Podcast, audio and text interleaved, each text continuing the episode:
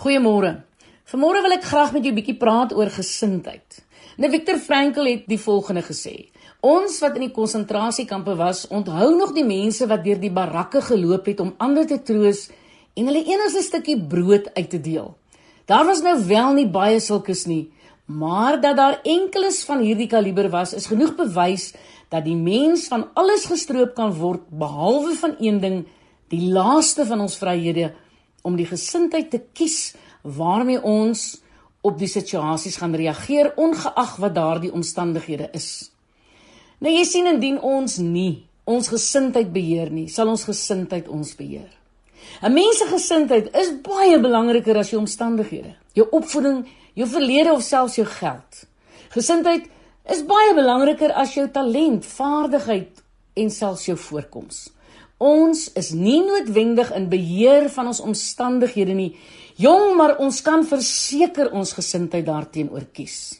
Ek het destyds studeer en gewerk. Die maatskappy het ondergegaan. Ek sou later alles verloor. Die man van die bank het by my deur opgedaag om my kar te neem. My ma het by my gekuier.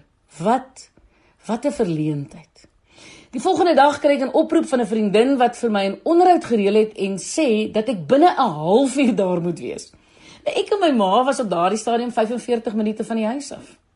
Ek het 'n jean en 'n T-shirt en tekkies aangetree en die pos was vakant. Hulle kom my dadelik sien. Jean, T-shirt en tekkies, jong dit maak glad nie saakie. Hierdie is my geleentheid. Die onderhoud het as volg verloop. Ek het my voorgestel en gesê, ek kan die werk doen. Ek is goed. Ek is regtig baie goed en jy sal sien dat ek binne 'n maand die beste sal wees. Ek soek net 'n geleentheid. Ek kan met mense saamwerk en ek is glad nie 'n moeilikheidmaker nie. Ek sal maklik hier kan inpas. Hy het begin lag, hy het opgestaan, het sy hand uitgesteek en gevra wanneer ek kan begin. Nou dadelik het ek gesê, "Wat kan ek net gou my ma huis toe neem?" Jy sien die beste kwaliteit wat ek kon openbaar was 'n gesindheid heens myself.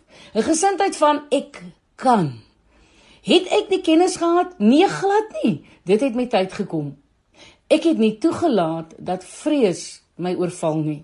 Nou ja, die res is geskiedenis. Kom ons kyk bietjie na Paulus se gesindheid. Paulus begin in Filippense 1 vers 12 tot 18 met die volgende woorde. Hy sê ek wil hê julle moet weet, broers. Onthou nou, hy is 'n gevangene met boeye vasgeketting aan 'n Romeinse soldaat. Ons sou verwag dat hy nou sy lesers gaan vertel van sy haglike persoonlike omstandighede, jong, maar hy fokus eerder op dit wat werklik van belang is: die verspreiding van die evangelie. En uit hierdie verse leer ons onder andere 3 dinge van Paulus se gesindheid. Paulus modelleer die gesindheid wat hy graag in sy lesers wil sien: nederigheid.